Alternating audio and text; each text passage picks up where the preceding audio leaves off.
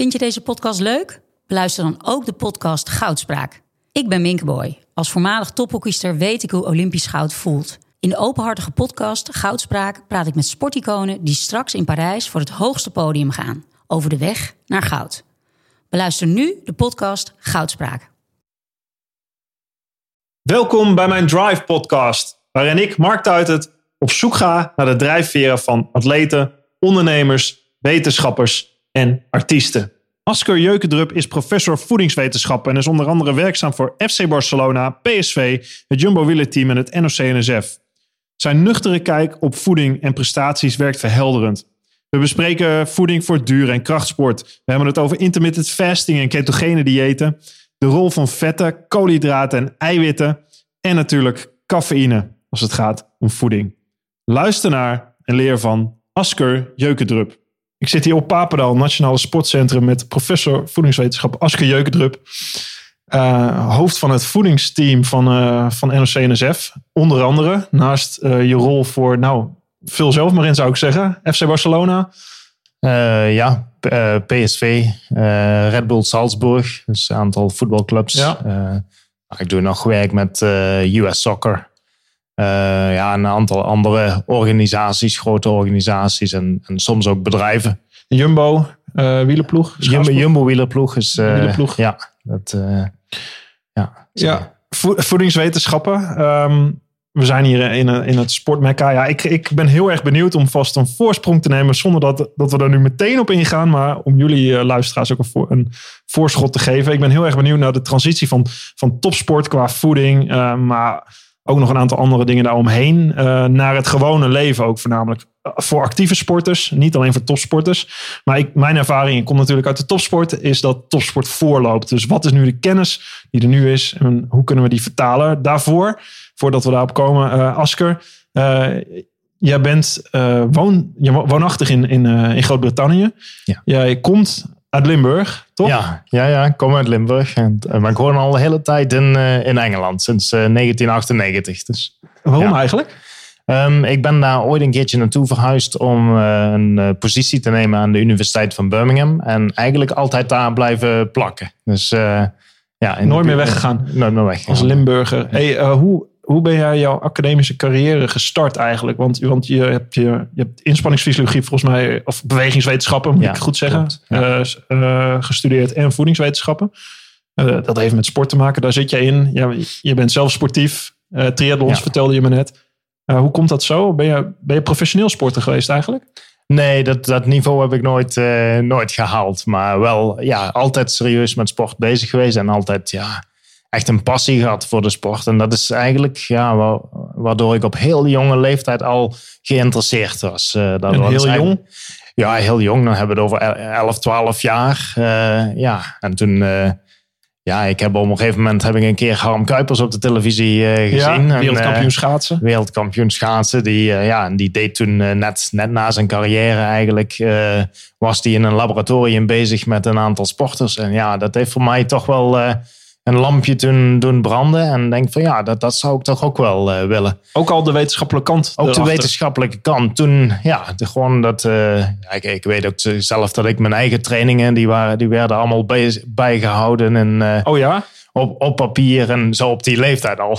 Op je 11, 12 jaar leeftijd al met een schriftje? Al, al, met een schriftje gewoon, uh, ja, en een, en een pen werd allemaal bijgehouden. En, dus ja, ik was wel van de, van de getalletjes en het, uh, en, en berekenen. Dus heel, heel vroeg al. Ook al berekenen? Maar wat stond er in dat schriftje dan? Nou ja, dat waren in, in eerste instantie was dat gewoon van uh, zoveel minuten. Ja. zoveel minuten en dit is de afstand die ik gelopen heb. En dat, dat, dat deed ik toen een beetje en later een beetje fietsen. Dus dan, nou, dan kwam er nog lopen fietsen en dan gewoon de afstanden, de tijden. En, ja. Eigenlijk was je je eigen trainer al bijna. Ja, een beetje, een beetje wel. Alleen wist er toen nog niet zoveel van. nee, wanneer kwam dat? Dat je dacht van... Hey, nou ja, dat, uh, op een gegeven moment ben ik dus uh, naar Maastricht gegaan. Of met, eh, heel, sorry dat je ontbeet. Had je nog een droom om echt de top te halen als sporter ook? Ja, natuurlijk wel. Op die, uh, ik denk, ja, voor, in eerste instantie denk je, ja, is dat wel iets wat je ambieert. En wat dan? En, nou, voor mij was wielrennen was, de, was toch wel de, de, de sport. De, en, maar dat heeft ook een beetje mee te maken dat je op een gegeven moment merk je dat je, ja, je bent goed in, in iets. En ik heb ooit een keer heel vroeg een van de eerste triathlons gedaan die in Nederland. Uh, dus dat is echt heel lang geleden. Waar spreken we dan over? Ja, dan heb je het over de jaren tachtig. Een dus, hele triathlon? dus toen, nee, niet hele triathlon. Dat was, dat was een, ja, een kwart triathlon nog. Dus niet eens Olympisch. Toen, toen heette dat nog kwart ja. triathlon. En uh, ja, in die triathlon daar, daar, kwam ik er al snel achter dat uh, zwemmen niet mijn sterke kant was. Uh, lopen, dat was oké. maar ja, ik kwam toch kon redelijk goed meedoen. Dat kwam door het fietsen. Dus de conclusie die je dan trekt is, ja, ik moet gaan fietsen. Ja. En dat heb ik ja, toen een tijdje, ja, heb ik wel serieus het fietsen opge, opgepakt. Ook een beetje wedstrijden gereden. En, maar nooit echt, nooit echt hm. top of zo gehaald. Maar wel uh, op academisch niveau de top gehaald. Jij bent een uh, ja, gerespecteerd wetenschapper op het gebied van, van voeding. Je wordt vaak aangehaald in veel bronnen, veel papers, uh, waar je onderzoeken waar je mee hebt gewerkt. Um, hoe, is, hoe is dat zo ontstaan, die, die interesse en ook het daar misschien wel de top in willen halen? Ja, dus ja, dat is begonnen met eigenlijk studeren in Maastricht. En uh, uiteindelijk ben ik, ja, uh, ik ben bewegingswetenschappen gaan uh, studeren. En afgestudeerd bij Harm Kuipers in dat lab wat oh, ik op televisie had gezien. Oh, wat leuk, wat grappig. En dat, ja, dat is wel, is wel heel mooi. En um, daarna ben ik, ja, ben ik verder gegaan aan de Universiteit van Maastricht. Ik heb ja, vier, vijf jaar promotieonderzoek daar gedaan. Uh, ja, veel. Op het gebied van? Um, op het gebied al, ja, is al richting sportvoeding. Dus het ging over metabolisme, koolhydraat, vetmetabolisme tijdens inspanning. Um, en ja, langzaam ga je dan kijken hoe, ja, hoe kun je dat met, uh, met voeding manipuleren? Hoe kun je dat met voeding uh, verbeteren? En dus eigenlijk, ja, zo langzaam ga je dan richting sportvoeding. Je combineert inspanningsfysiologie met ja, wat kennis over voeding en metabolisme. En dan, ja, dan krijg je sportvoeding. Dan kom je sport, ja, sportvoeding bestond het toen al eigenlijk. Inmiddels is het een nou, ingeburgerde term. Ja, nu, nu wel. Dus als je, als je terugkijkt naar, uh, naar die tijd, nou, dat was, uh, daar kwam niet veel voor hoor. Um, dus ik, ben, ik werkte ook een beetje in de praktijk al, dus uh, in, in het wielrennen. Dus bij profploegen en nou, de, in die eerste Zoals welke, jaren. Welke ploeg? Nou, dat was het begin van de Rabobank ploeg ja. toen. Dus echt de eerste jaren. En mm -hmm. nou ja, dat dat, dat was echt ongehoord dat daar een wetenschapper rondliep. Want hoe zag dat eruit? nou, dat, was, dat was in die tijd is dat, was dat een super traditionele uh, sport. Waar gewoon, ja, waar, waar je, de, je deed dingen zoals andere renners dat vroeger hadden gedaan. Want die hadden alles ermee ja. gewonnen. En ja, dat, dat ging je dan nadoen. En ja, dat, dat was gewoon, en als iemand dan binnenkwam en zegt van ja, maar we hebben wat wetenschappelijk onderzoek. uh, ja, dat was, daar werden de schouders een beetje opgehaald, er werd een beetje om gelachen. En, maar, ja. Ja, welke dingen waren dat? Waar, waar studeerde je eigenlijk op af? Wat was de conclusie van jouw uh, um, Nou, uh, pff, mijn, mijn afstudeerproject ging over overtraining. Ja. En dan, dus hoe kun je overtraining vroeg detecteren? Wat kun je eraan doen om het te voorkomen? Dat soort vragen. En mijn, uh, mijn AIO-project later, dat ging over ja, hoe kun je de uh, koolhydraten toedienen, zodat je ja, beter, beter kunt presteren. Wat is de hoeveelheid koolhydraten? Um, wat is het soort koolhydraten wat mm -hmm. je moet toedienen? Mm -hmm. Zijn er nog andere brandstoffen die je eventueel zou kunnen geven, zoals vetten? Ja. Uh, die, die dan iets zouden kunnen bijdragen. Dus daar, daar ging eigenlijk en? mijn. was de conclusie? Ging dit trouwens over topsport of Prestatieverbetering. Nou, het, het, ging over prestatieverbetering in het algemeen. Hmm. De proefpersonen die wij gebruikten in alle studies waren echt goed getrainde uh, renners. Maar geen topsporters, ja. maar ja, redelijk, redelijk, dicht, redelijk dicht daar tegenaan ja. toch wel. Um, en dus die conclusies, die denk ik dat je wel redelijk goed kunt, uh, kunt doortrekken. En dat waren? Um, die, dat waren onder andere dat je lichaam kan eigenlijk maar een bepaalde hoeveelheid koolhydraten uh, opnemen mm -hmm. en gebruiken. Dus het is niet zo dat meer gewoon beter is, want op een gegeven moment ga je het niet meer gebruiken. Ja. En later zijn we daarop verder gegaan van waarom is dat dan? Mm -hmm. uh, en kun je daar iets aan doen? Kun je dat verbeteren? Hoewel uh, koolhydraat stapelen is toch ook een term die, die in de duuratleten gebruikt ja. wordt door duuratleten? Ja, zeker. Maar dat, dat, is een, dat, is, ja, dat, dat gaat dan meer over hoe je je voorbereidt mm -hmm. op een evenement, de dagen van tevoren. Um, mijn onderzoeken gingen toen voornamelijk op ja, wat doe je tijdens een dure inspanning. Ja. Uh, inspanningen van ja, zeg maar 90 minuten of langer hebben we het dan over. Echte duurinspanningen. Dan moet je gewoon heel gericht net zoveel innemen als dat je überhaupt kan opnemen. Ja, dus, dus ja, je lichaam kan 60 gram koolhydraten per uur opnemen als je een bepaald koolhydraat uh, geeft. Dus ja, veel, ge het geven van meer dan 60 gram per uur hmm. heeft echt heel weinig heel, zin. Totaal geen nut. en vet? Nou, vetten, um, die zouden normaal gesproken nadelig zijn tijdens een inspanning. Want ja. vetten worden heel langzaam opgenomen en het vertraagt alles. Hè? Dus ook als je dan water en koolhydraten geeft, allebei belangrijk, dan wordt dat ook verdraagd. Ja. Dus daarom werd altijd gedacht, ja, vetten zijn, daar moet je niet mee beginnen tijdens inspanning. Maar ja, toen zijn we gaan onderzoeken bepaalde soorten vetten. Dus uh, MCT's of medium chain triglycerides. ja, dat zijn, dat zijn ja, Geen korte ketens, lange ketens, uh, medium ketens. Ja, ja. En wat zijn dat voor vetten? Um, nou, het zijn vetten die, die worden gedistilleerd zeg maar, uit uh, kokosnootolie. Um, en die worden heel anders door het lichaam gebruikt. Die, die worden een beetje behandeld zoals koolhydraten, maar bevatten wel twee keer zoveel energie per gram. Dus in theorie was dat een hele mooie brandstof. Ja. In de praktijk was het iets anders. Ja, vertel. Want uh, nou, we kwamen er al heel snel achter als je daar grotere hoeveelheden van uh, geeft aan, uh, aan sporters, dan gaan ze wel snel rennen. Maar dat is dan rennen naar het toilet. Oh, echt? En uh, ja, dus te veel belasting heel, op de heel, darmen. veel, heel veel uh, maag-darm-problemen uh, bij grotere hoeveelheden. Dus dan, ja, dan hou je het bij kleinere hoeveelheden. En dan zijn de effecten ja. Ja, eigenlijk zo klein dat, dat het niet de moeite waard is. Ja. Hey, en jij komt uh, dan in de professionele sport terecht. Um, uh, welke rol neem je er aan? Want je moet eerst vechten, neem ik aan, inderdaad tegen vastgeroeste principes in het wielrennen. Maar ik kan me voorstellen dat in het voetbal dat ook het een en ander gebeurt. Maar überhaupt ja. in topsport. Uh, verandering gaat altijd gepaard met ja. weerstand. Um, maar wat trof je aan in de, in de sportwereld? En we hebben nu denk ik richting 2000, eind jaren 90. Ja, ja, ja dat klopt.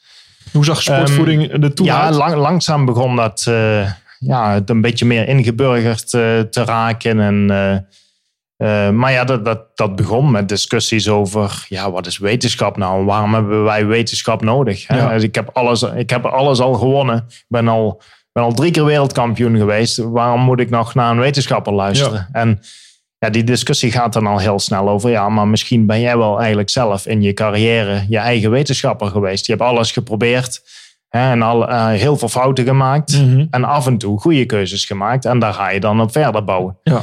En ja, wat, wat wetenschap in de sport eigenlijk doet, is zorgen ervoor dat je niet al die fouten hoeft te maken.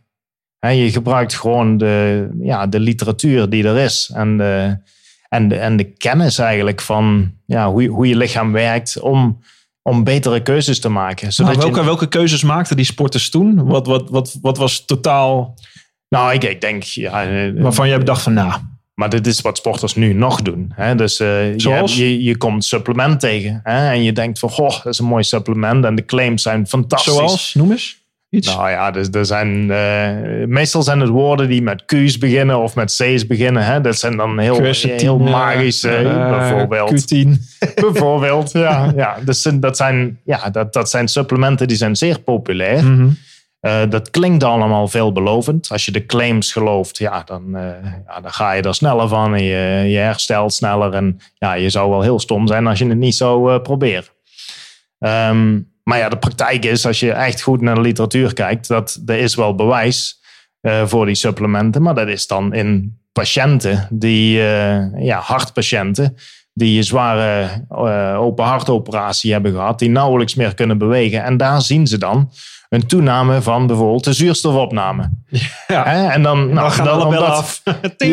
ja, maar goed, als je dat dan, dat kun je natuurlijk niet direct vertalen naar een uh, topsport uh, ja. situatie. Um, maar ja, dat wordt wel vaak gedaan. Dus dat, dat soort. Uh, dat maar soort het is niet in de trant van dat jij uh, wielrenners aantrof of, of, of uh, voetballers die een patatje bestellen na een training. waarvan je dacht: nee, jongens, dit, dit gaan we eventjes anders doen. Ja, dat, dat, ik bedoel, dat, dat, dat, komt ook wel, dat komt ook wel voor. Dat komt Mhm. mm -hmm. nog steeds voor. Um, soms is het ook niet zo heel erg, moet ik eerlijk zeggen. Nee. Hè, er wordt ook, soms wordt er ook wel heel. ja, Iedere slag heel, heel extreem over, uh, over gedaan. Hè. En we, ja, er wordt ook heel veel gedacht in ja, goed of slecht. Hè? Ja. De- de- en iets moet in het goed ho- eh, hoekje passen of Ja. in het slecht hoekje. En ja, er is niks tussenin. Terwijl in de praktijk, ja, het zit er allemaal tussenin. Hè? Er zijn geen goede en slechte voedingsmiddelen. Er is wel eh, ja, een goede voeding en een slechte voeding. Maar dat, is, dat heeft te maken met hoeveel van die middelen dat je inneemt. Hè? Laten we daar eens beginnen. Wat Ja. is überhaupt, hè, als ik het mensen op. Ik krijg die vraag ook wel eens: waar moet ik beginnen? Wat is gewoon, niet alleen voor topsporters, eh, voor, voor amateuratleten, maar ook mensen die eh, niet aan sport doen op een kantoor zitten of, of wat dan ook. Wat is gezonde voeding?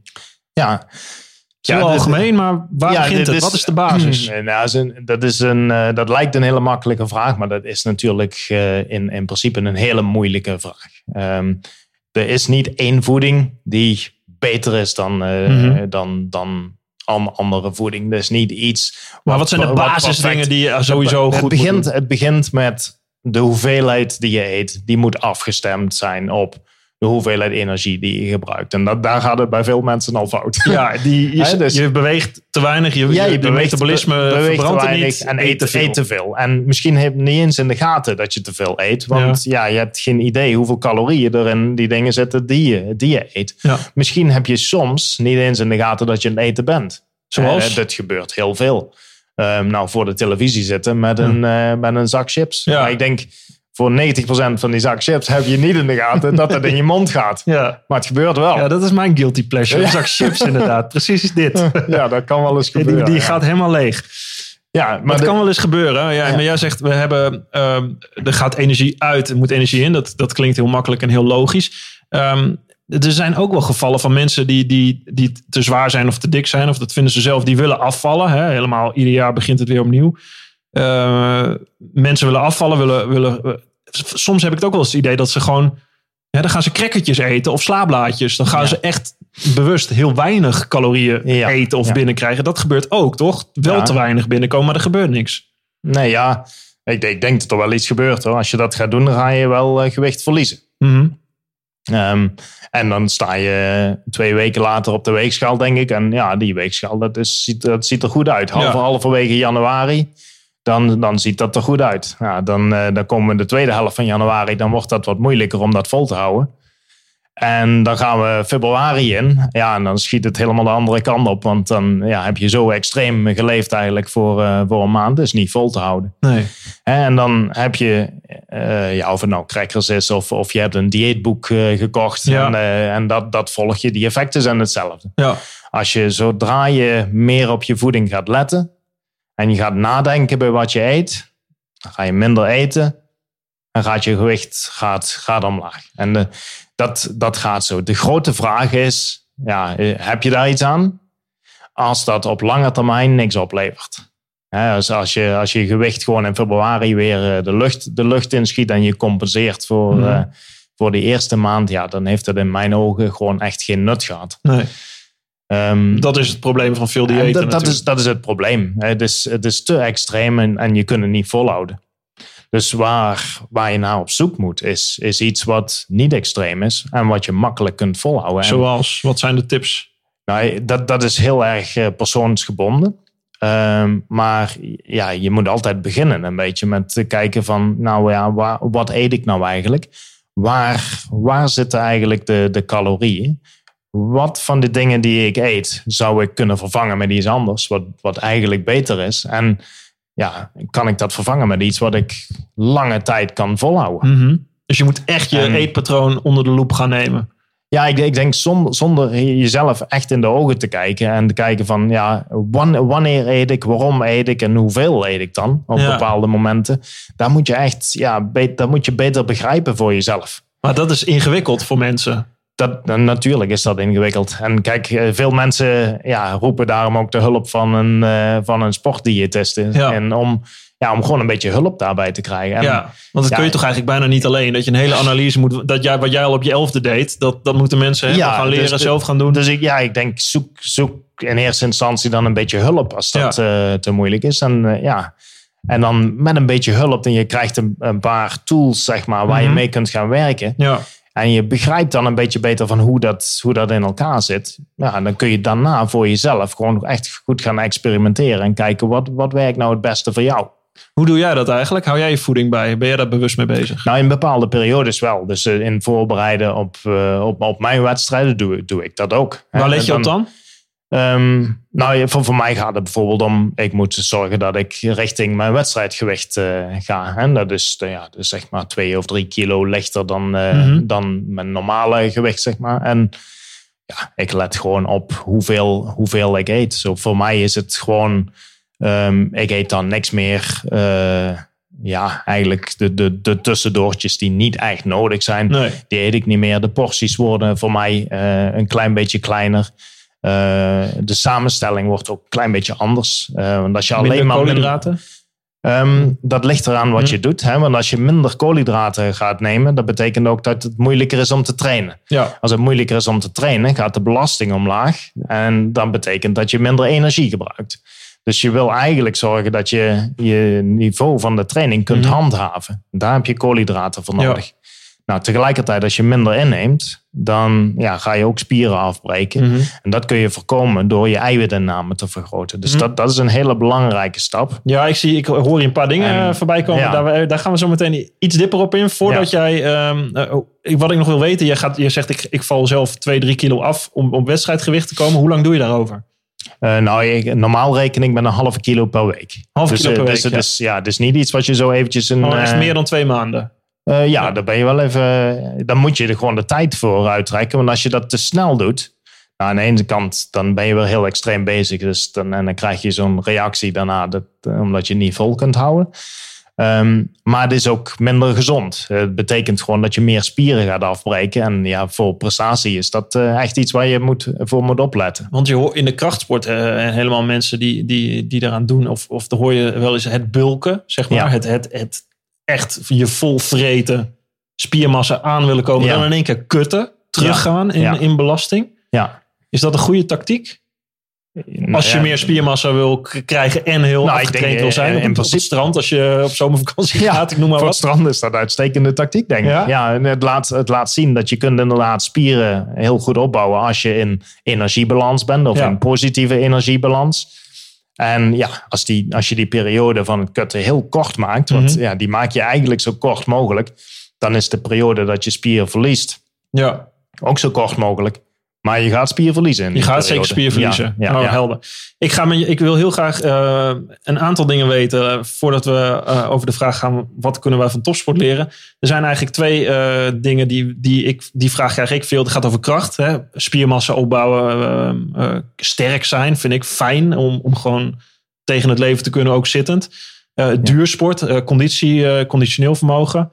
Wat kun je doen als inactief normaal persoon die daar niet aan doet? En wat zijn bijvoorbeeld eh, tactieken eh, als het gaat om nou eh, bepaalde diëten waar ik nog een paar vragen over heb. Ehm, te beginnen, en daar aan- aansluit ook de macronutriënten. We hebben het al deels over gehad. Eiwitten, vetten, koolhydraten natuurlijk. Als het gaat om kracht. ehm, wat zijn goede tactieken qua voeding om te gebruiken als je echt ehm, ja, spiermassa wil aankomen, sterker wil worden? Waar moet je op letten? Nou, ik denk, denk eh, natuurlijk eiwitinname daar is een hele belangrijke factor. En energieinname. Dus zorgen dat, er, dat je inderdaad genoeg energie hebt om de training te doen.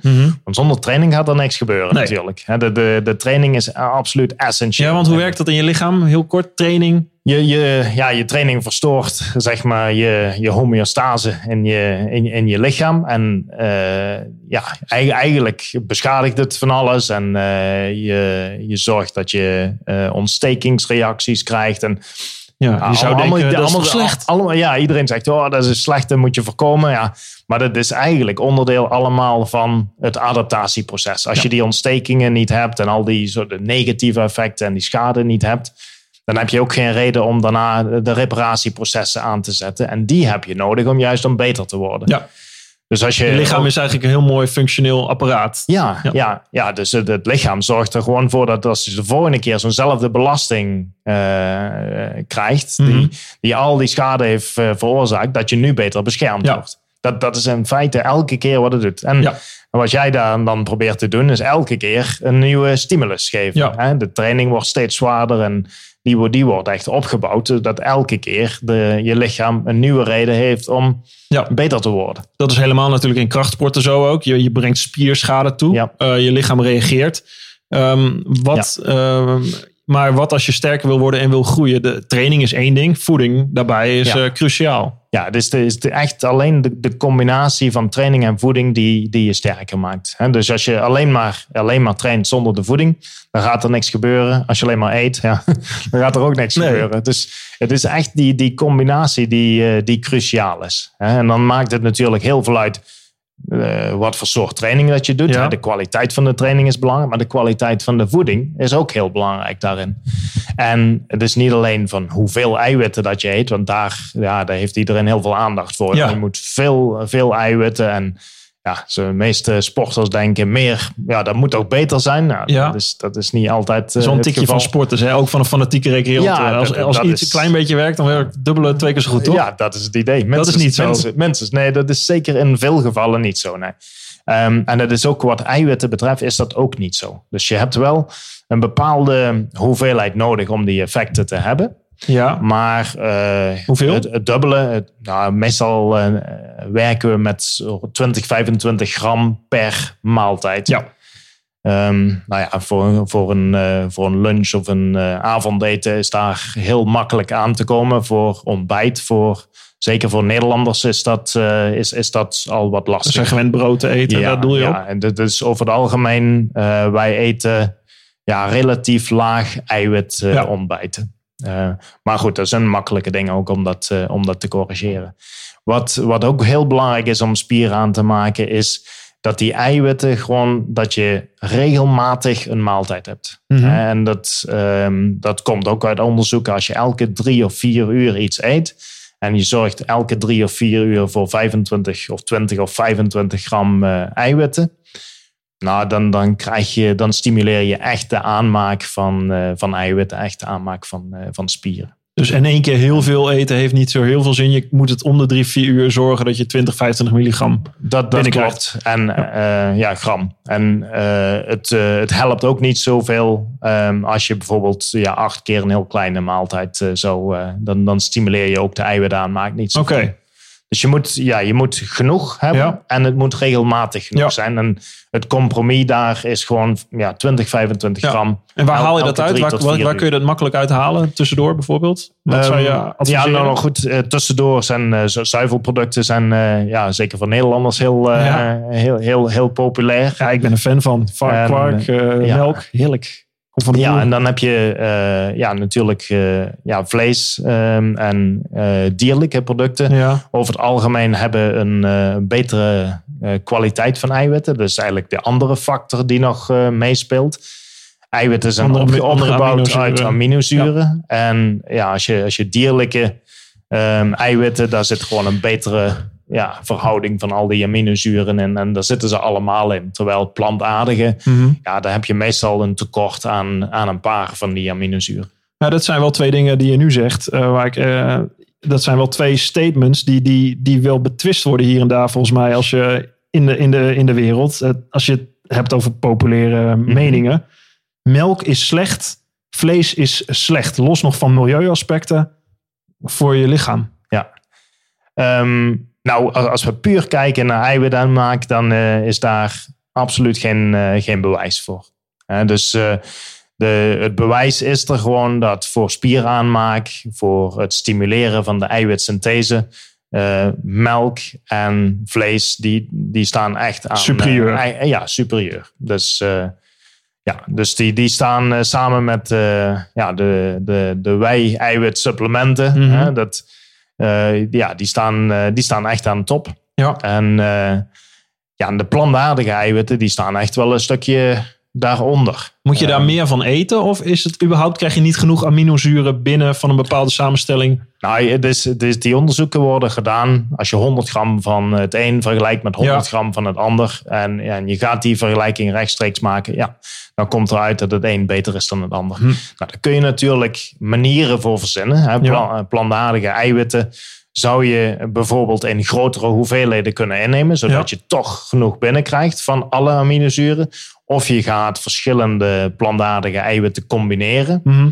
En dan neem je er nog eens meer van in. Ja, dan kun je volgens mij hetzelfde bereiken. Dus dat, eh, het is niet zo dat je dat het niet zou kunnen met, een, met plantaardige eiwitten. Dus vlees tussendoor of melk, dat is ook prima om te doen. Is, is het trouwens nog voor mij, kort, is het, is het nog beter om rauwe melk te nemen? Hè, de vette, echte melk van de koe, niet gesteriliseerd of gepasteuriseerd.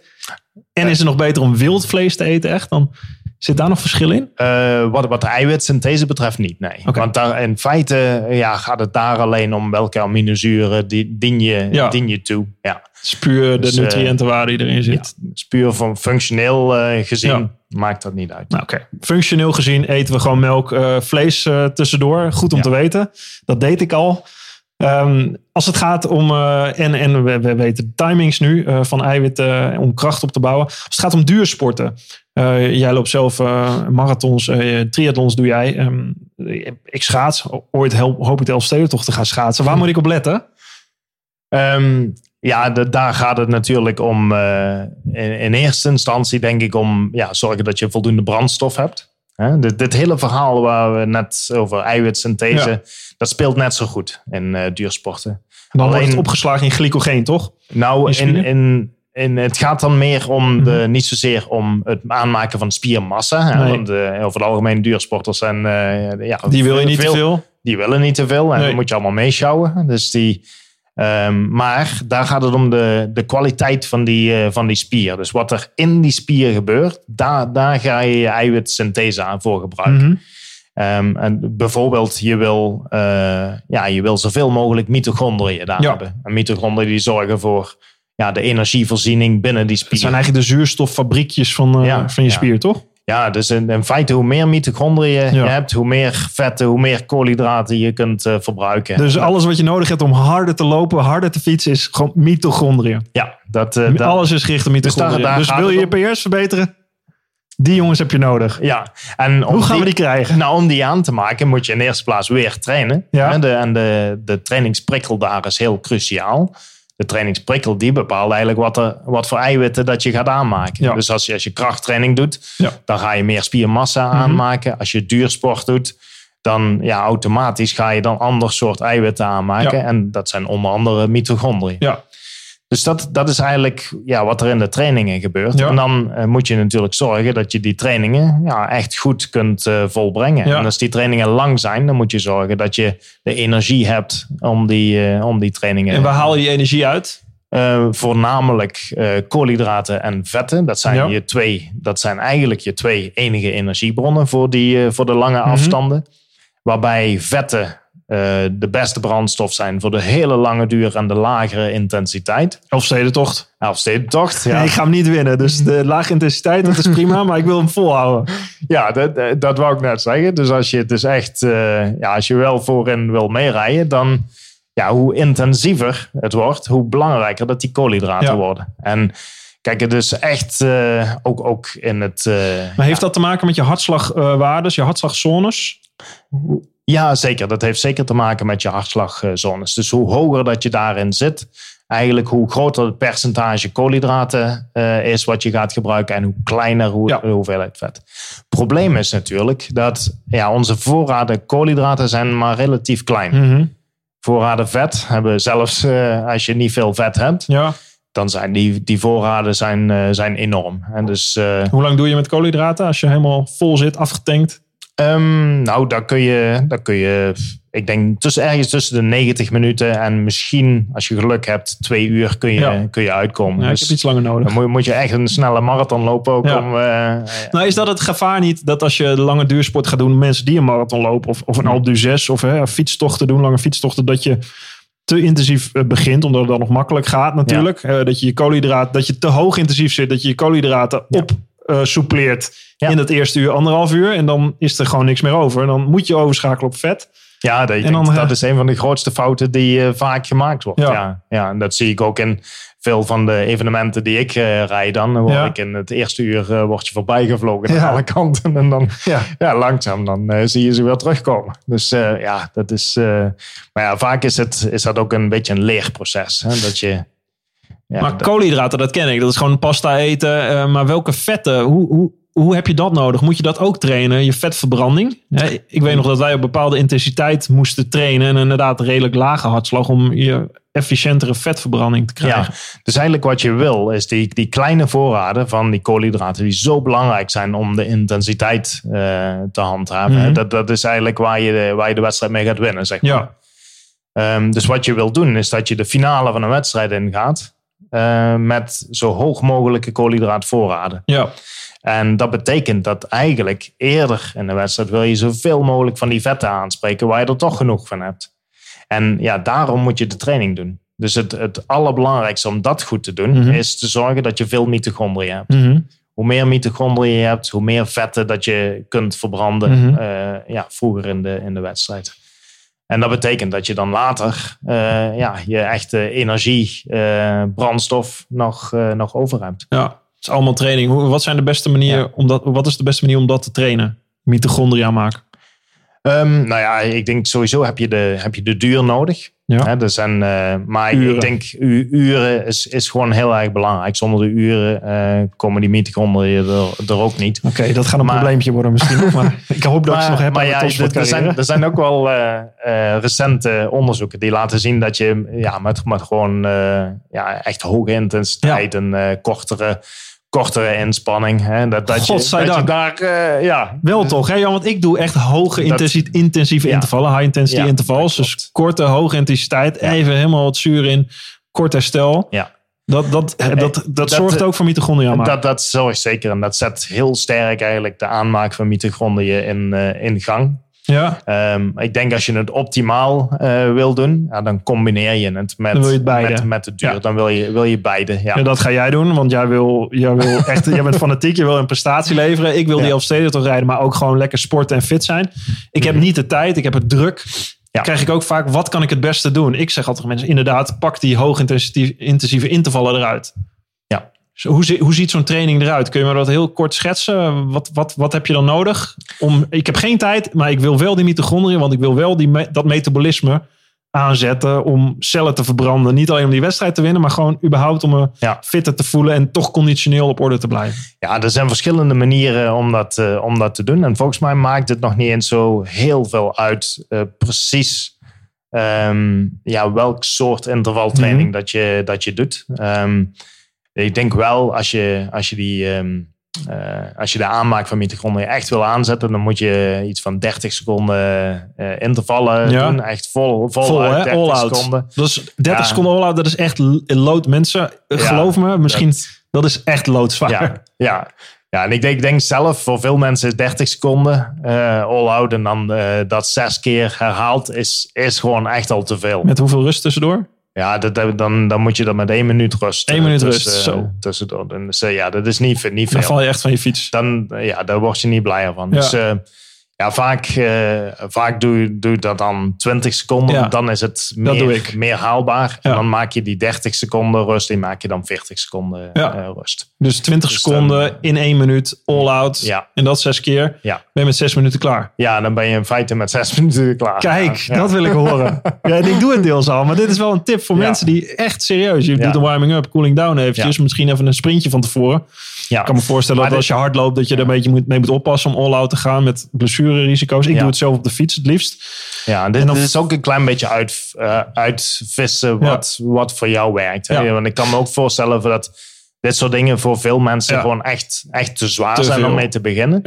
En dan moet je die rustperiode misschien net iets, eh, iets langer maken. Je bouwt op hier naartoe. Ja, de bedoeling is wel dat je die, die zesde, eh, dat dat niet eh, zo'n zo'n slap sprintje is. Hmm. Nee, die moet je echt nog moet- kunnen moet gaan. Echt, echt voluit nog kunnen gaan. En dat, Dus- hoe vaak doe je dat dan? Eén keer in de week? Twee keer? Ja, ik zou, ik zou toch over het algemeen, ik zou proberen zeker dat soort dingen twee keer in de week Ja. te doen.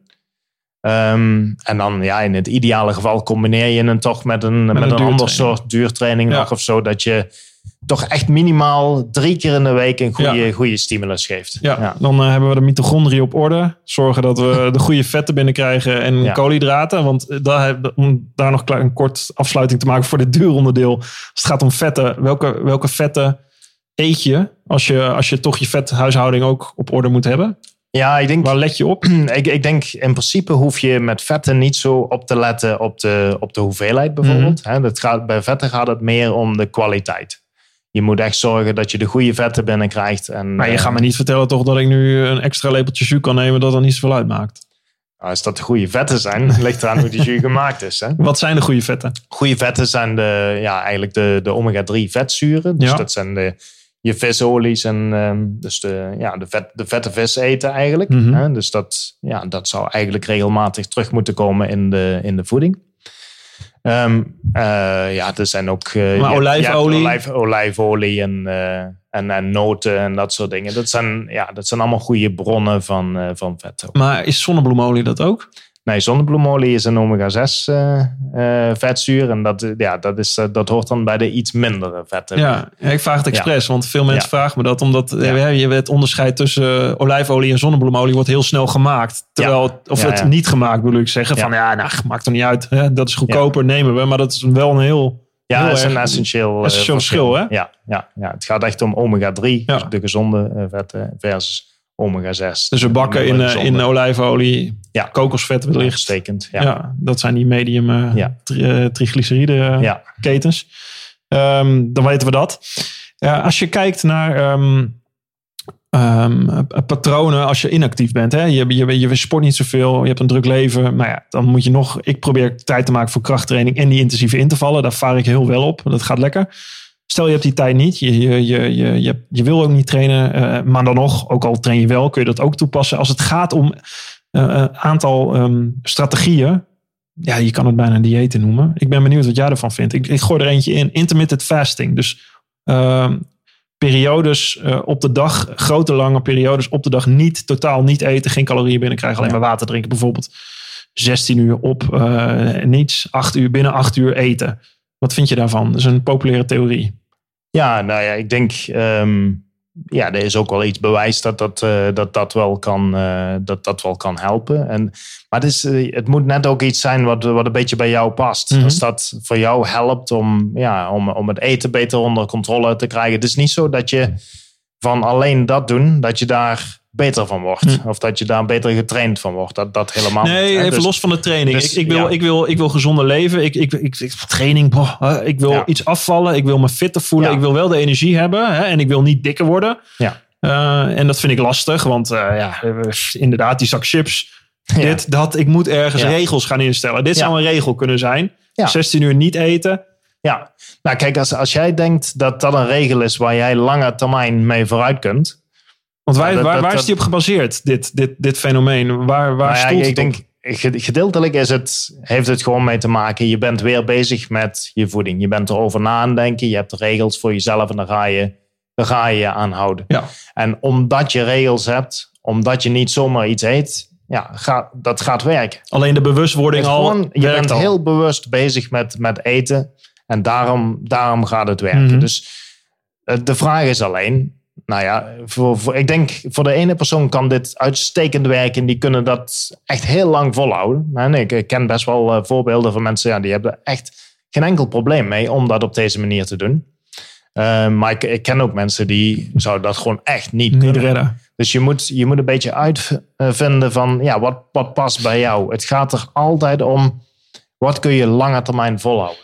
Maar de, ja, maar de the- theorie daarachter is toch dat je um, je insulinespiegel eh, wat, wat minder, wat stabieler wordt, omdat je langer tijd je lichaam niet, wat, waardoor je eh, positieve benefits zou hebben. Ja, nou, en ik, dat? Ja, ik denk, ik denk dat daar, daar zit ook iets in.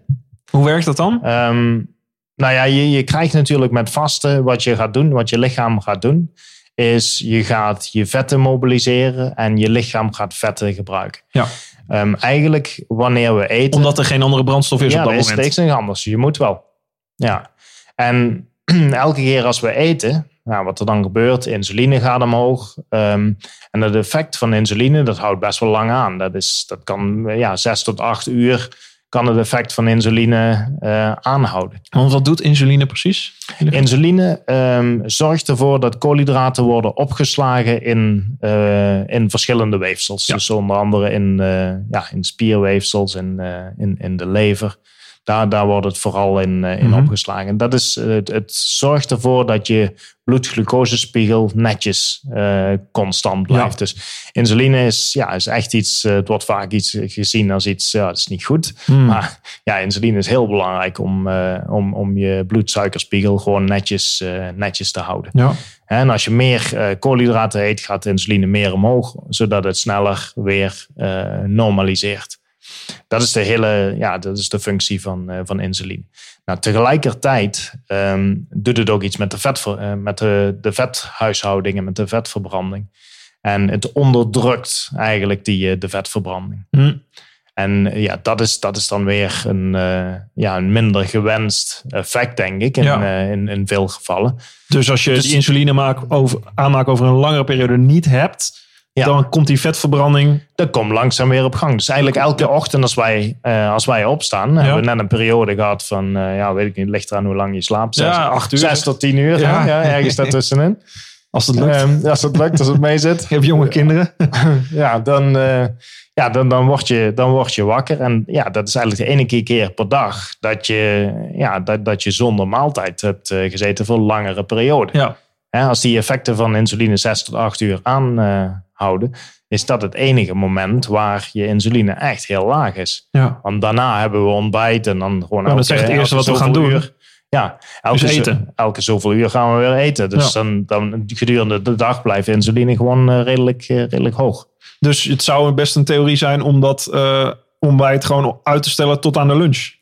Dat Ja, is dat ik denk- intermittent fasting een beetje. Ja, nou, dat is intermittent fasting. En dat is ook ja, wat, wat ehm, in veel duursporten gebruikt wordt. Oh ja, Ja, dan wordt er getraind in de ochtend. Eh, Je wordt 's ochtends getraind, dus dan, ja, dan heb je geen, geen ontbijt gehad. En je gaat gewoon eh, op je fiets zitten of je trekt je hardloopschoenen aan en je gaat, eh, je gaat naar buiten. Misschien een kop koffie nog. Ja. En, maar in elk geval geen, geen koolhydraten. Nee.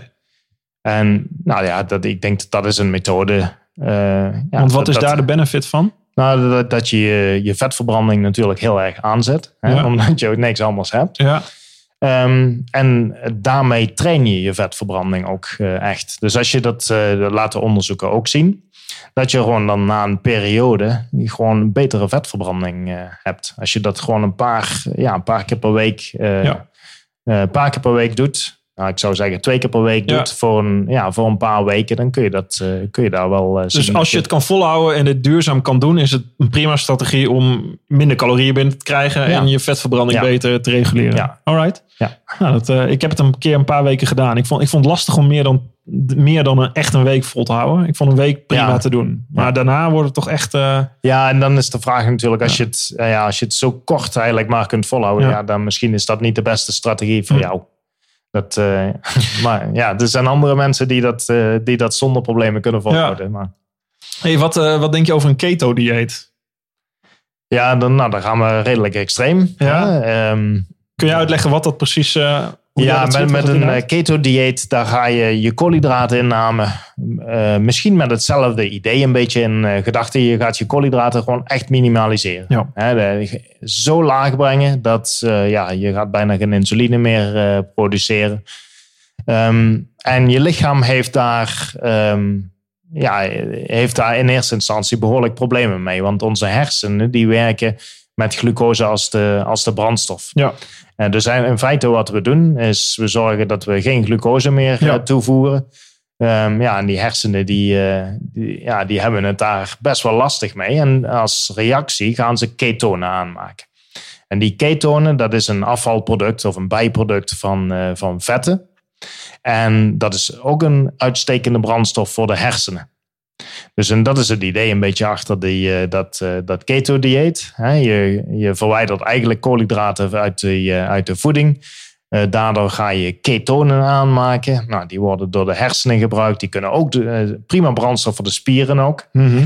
Ehm, dus ja, dat is, dat is een, van de, een van de ideeën. Dat is ook een manier om, om af te vallen, om laag gezonder te leven.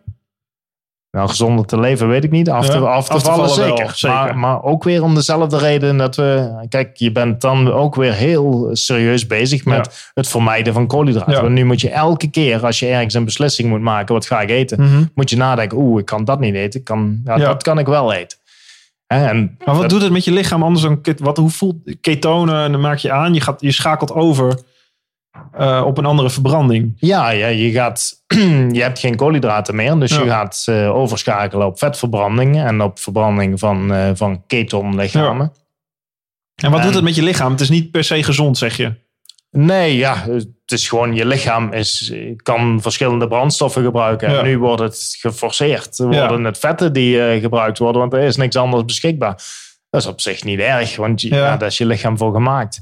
En, en eigenlijk ga je daar ook op aanpassen. Hmm. Je lichaam gaat zich, ja, wordt beter daardoor in het verbranden van vetten. Het gevaar, zeker voor de sporter, uh, voor de niet-sporter maakt het niet zoveel uit, maar voor de, voor de sporter is het gevaar dat te, aan de ene kant verbeter je je vetverbranding. Ja.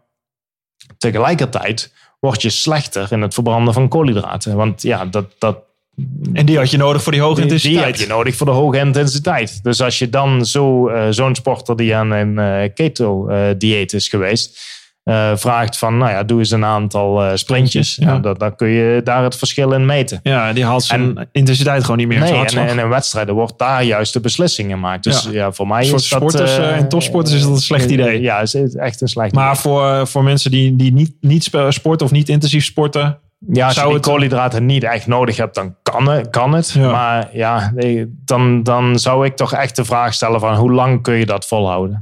En daar ook ken ik voorbeelden, mensen die daar minder problemen mee hebben. Mhm. En ja, ik ken ook mensen die kunnen dat niet eens. Uh, of krijg je ook een soort, dit is zo extreem dat je ook een soort backlash krijgt. Een soort dat, dat mensen dit volhouden tot op een bepaald moment en dan helemaal het loslaten en maar weer de andere kant ja, op gaan. Ja, dat, dat, zie je, dat zie je heel erg. Ja, ja. Dus het klinkt mooi, maar dus- jij zegt eigenlijk duurzamer. Eh, net wat je zegt, de kleine beetjes, week op week. Ja. En dat kunnen volhouden. Ja. Nou, zo probeer ik ook meer te leven, eerlijk gezegd.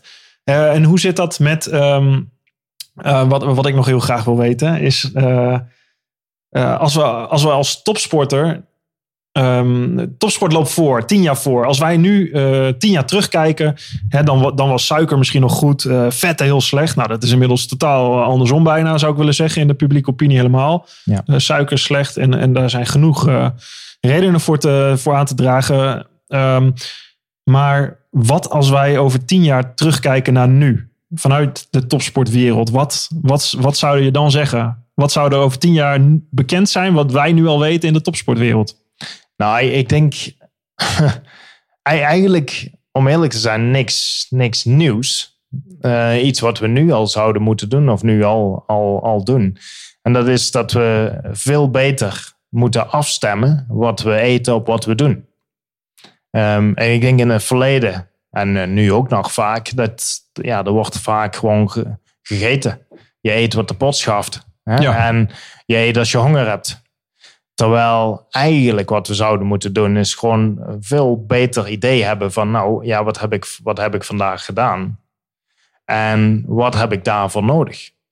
En die, die verbinding is eigenlijk een beetje verbroken. Dus dat we, ja, we eten gewoon ja, zoals we honger hebben of we eten wat er dan toevallig in Wij zijn gemaksdieren. Als het voor onze neus staat, dan, ja. uh, dan pakken we het. Ja, dat, dat is zeker zo. En ja, dat is ook ja, dat is denk ik ook heel natuurlijk dat we, dat we zo zijn. Maar, maar jij zegt eigenlijk, eh, wat er nu in topsport gebeurt bij jou in de disciplines, dat is uh, je stemt de voeding af op de training van dat moment, op de leefstijl van dat moment. Op, als je een rustdag uh, hebt, dan eet jij niet hetzelfde nee. uh, als jij de volgende dag een, een, een krachttraining hebt. Ja, dat is, anders. Ja, dat is echt, echt anders. En en, toch zie je in, in de sport, hè, ook in, uh, in voetbal op het hoogste niveau, zie je nog gewoon dat er, ja, er wordt gewoon, ja, lunch wordt geserveerd. Niet bijna. Nou ja, door, ja iemand, iemand, heeft wel uh, nagedacht over ja. hoe, hoe, hoe, smakelijk dat die lunch is. Hè? Maar, maar niet over, ja, wat gaan ze nou eigenlijk doen die dag? En wat, of wat hebben ze gedaan? En wat zou er eigenlijk in die lunch moeten zitten? En die, die koppeling, ja, dat zie je nu in de topsport steeds, steeds meer komen. Is die koppeling te maken over, over tien jaar, als je kijkt ook naar technologie, naar apps, naar wearables, um, dat, men, dat je bijhoudt kan trekken wat je leefstijl is die dag, wat je hebt gedaan. En dat, dat je eigenlijk een soort bliepje krijgt van, hey, let op, dit moet je wel eten en niet vandaag?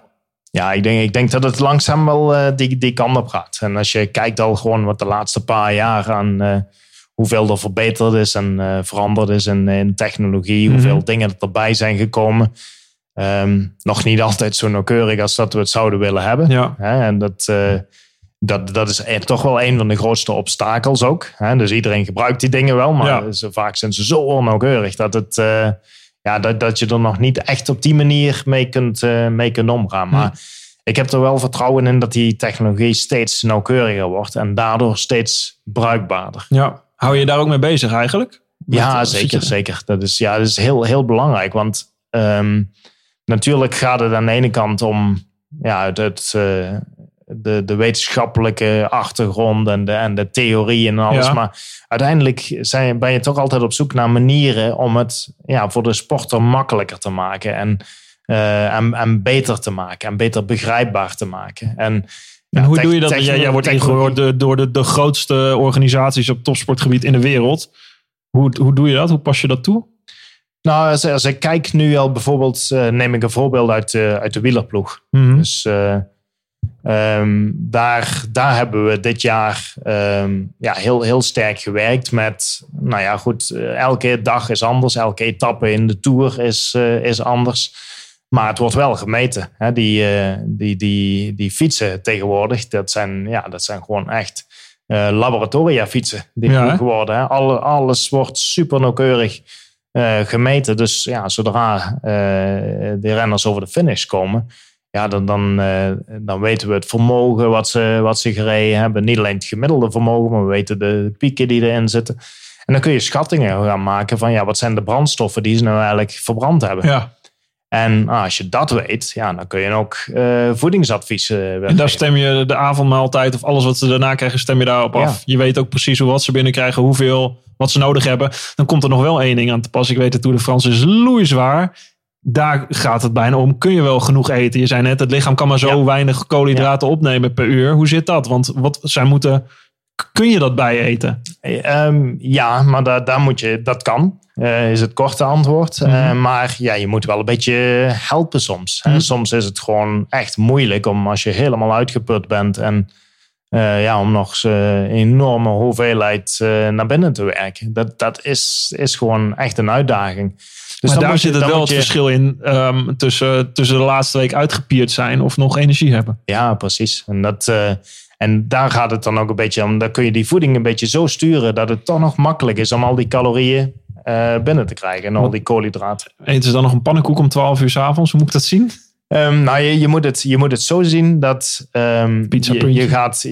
Ja, dat kan, dat kan. Maar um, in feite zoek je naar energiebronnen die heel snel de koolhydraten kunnen uh, ja, kunnen, kunnen aanleveren zonder dat dat te belastend is voor het maag-darmstelsel. Of zelfs soms zonder dat uh, renners het in de gaten hebben dat ze zoveel binnenkrijgen. Nou ja, ik heb, ik heb bijvoorbeeld wel eens gewerkt met uh, het toevoegen van maltodextrines. Maltodextrine ja. is een koolhydraat dat heeft eigenlijk geen smaak. Nee. Nou, dat kun je, dat kun je bijna aan alles toevoegen. Hm. En dan kun je aan water uh, ja. dat ze drinken toevoegen. En hebben ze niet in de gaten dat ze een hele lading koolhydraten binnen, binnen krijgen.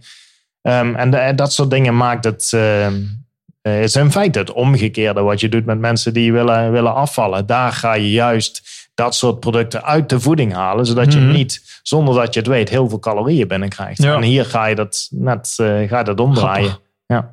Ik, ga nog, uh, ik wil nog één vraag stellen over een, uh, een bijzonder goedje. Cafeïne. Ja. Ik weet dat sportwetenschappers daar redelijk over eens zijn dat het werkt. Maar hoe werkt het nou precies? Ja, cafeïne is natuurlijk een substantie die we in heel veel voedingsmiddelen vinden. dus het wordt ook over de hele wereld heel veel geconsumeerd. Ja. In koffie en thee en... Um, maar het is ook iets wat in, in sport veel, veel gebruikt wordt ja. in verschillende, ja, op verschillende manieren. Hè. Dus, en waarom? Waarom wordt, het, waarom wordt het gebruikt in sport? Um, nou, er is eigenlijk al heel lang bekend dat er um, een effect is op prestatievermogen, met name op, op het duurvermogen. Ja. dus zeker de langere, de langere inspanningen. En ja, ik denk vooral inspanningen rond, rond een uur ongeveer. Mm -hmm. die, die worden heel erg beïnvloed door, door cafeïne. Het is ook een effect wat ja, echt bij, een, bij iedereen gevonden wordt. Hè. Er zijn wel mensen die meer reageren dan anderen. Maar ja. over het algemeen is het iets wat, wat gewoon echt uh, bij, uh, bij iedereen lijkt te werken. de effecten zijn ook behoorlijk groot. dat is ook al eigenlijk bekend sinds de jaren, de jaren 70, toen de eerste onderzoeken gedaan werden. Ja. Dus Ehm, als je het vergelijkt met ja, heel veel andere uh, Ja. zaken, ja, zijn, dit zijn echt wel serieuze effecten die Maar ziet. hoe werkt het precies? Wat, Nou, voor effect, eh, wat is het effect? Er, er is eigenlijk heel lang discussie geweest over ja, de verschillende manieren waarop het zou eh, werken. En de eerste theorie, die eigenlijk heel lang geleefd heeft, is dat cafeïne zorgt ervoor dat je vetten worden vrijgemaakt. En dan Ja. ga je je vetten eh, verbranden. Daardoor wordt je de kleine koolhydraatreserves die je hebt, die worden gespaard. Die kun je dan later in de inspanning eh, gebruiken. En daardoor verbetert je prestatievermogen. Nou, je kunt inderdaad aantonen dat cafeïne een effect heeft vaak op vetzuurgehaltes in, het, Mhm. in het bloed. Maar die, die effecten op vetverbranding zijn toch wel heel klein. En vaak een beetje afhankelijk van de dosering Mhm. van de cafeïne. eh, En ook afhankelijk van de intensiteit van de inspanning. Dus die theorie die heel lang geleefd heeft, die, Ja. die leeft niet meer zo. Nee. Dus de, de manier waarop het werkt, eh, en ik denk dat de wetenschappers daar nu behoorlijk over eens zijn, is, is gewoon dat het eh, een effect is op de, op de hersenen. Dat het ja, daar gewoon echt een, ja, echt een stimulus is.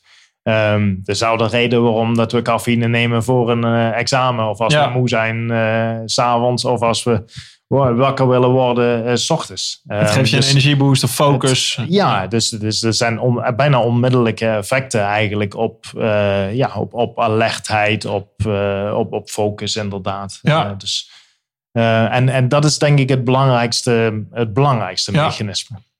Er is nog een ander mechanisme wat, ehm, waarvoor ook eh, bewijs is. Ehm, en dat is meer op spierniveau. Dus, dat, eh, dus aan de ene kant, ik zeg dat het voornamelijk werkt bij duursporten. Mhm. Maar er zijn ook eh, onderzoeken die heel duidelijk laten zien dat bij krachtsporten het ook kan werken. Mhm. En dat mechanisme is dan heel anders. Dat werkt waarschijnlijk niet zozeer via de hersenen. Maar dat werkt doordat je de spiercontractie zelf verbetert op, op spierniveau. Eh, dus dat, dat is nog een, eh, een andere theorie. Dus ik denk de, de, de centrale theorie, zeg maar, Ja. waar, de, waar de hersenen een rol spelen, is waarschijnlijk het belangrijkste in de Mhm. meeste gevallen.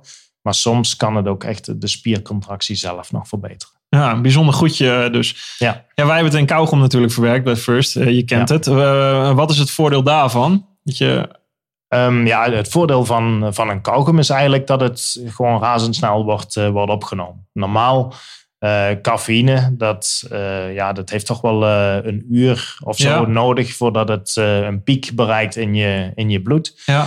Neem je het via een kauwgom, ja, dan, dan is dat eigenlijk veel, veel sneller. En dan Hm. kun je ja, in 10 minuten kun je een behoorlijke eh Maar dat gaat via de slijmvliezen in je, in je, in je mond. Hoe, hoe werkt die opname dan? Dat gaat Ja, dat gaat eigenlijk rechtstreeks eh, je systeem in. rechtstreeks je systeem in. En Ja. Dus eh, daarom is het, is het ook veel, eh, veel sneller. Ja. Ja. Ja, grappig. Ja. Er zijn veel sporters die, ja, ik weet het uit ervaring, die, ik gebruik het zelf ook, die het gebruiken.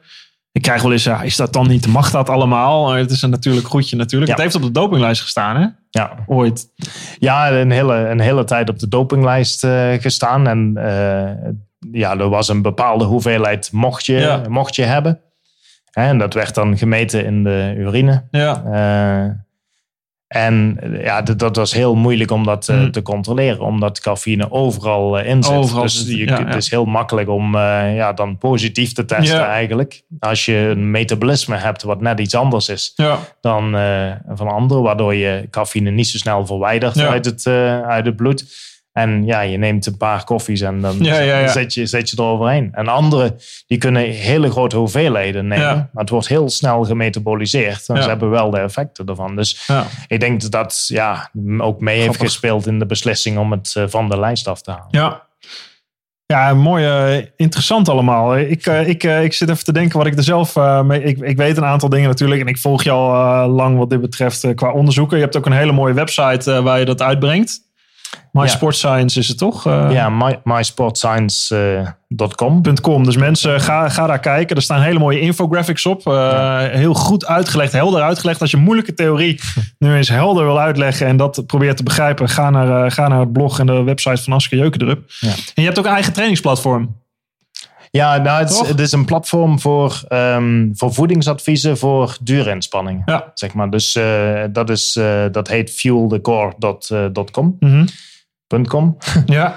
Daar, uh, dus in feite is dat voor, ja, voor elke duursporter die inspanning doet van een uur of, of langer. Um, maar wat we daar geprobeerd hebben is om de wetenschap echt toe te passen of, of in een app te, te vatten. Ja. Zodat je eigenlijk heel snel tot een advies kunt komen wat 100% op wetenschap is gebaseerd. Nou, je, je geeft in uh, ja, wat is de soort inspanning die je gaat leveren? Ik moet wat informatie hebben over, uh, over, over jou. Ja. Van ja, hoe, en hoe snel dat je bent en dat, dat soort dingen. Ik moet ook informatie hebben over wat zijn dan de producten die jij wil mm. gebruiken. Hè? Of wat zijn de producten waarvan jij weet dat je die goed kunt verdragen. Ja.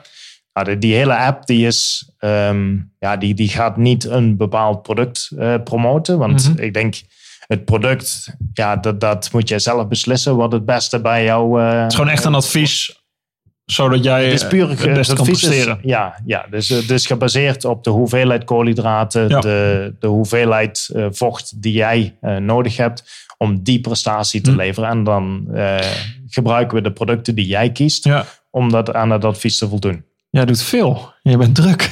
Ja, dat, dat wist ik al.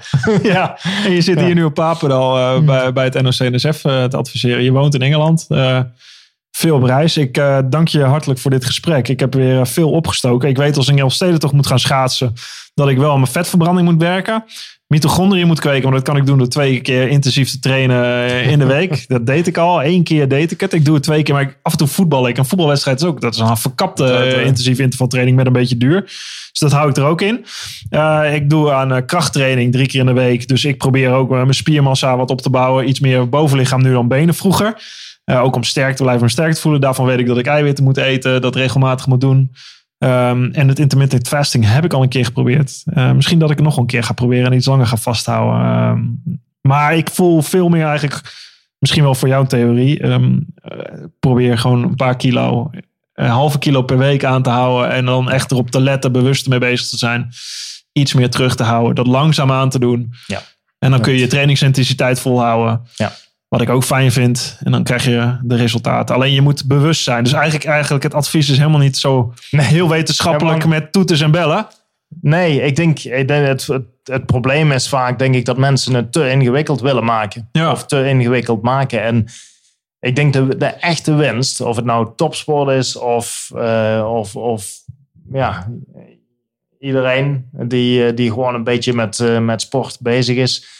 Het gaat erom om is echt simpel te houden. Keep it simple, stupid. uh, ja, en zorg dat je, dat je dingen doet die je, die je lange termijn kunt, uh, kunt volhouden. Ja.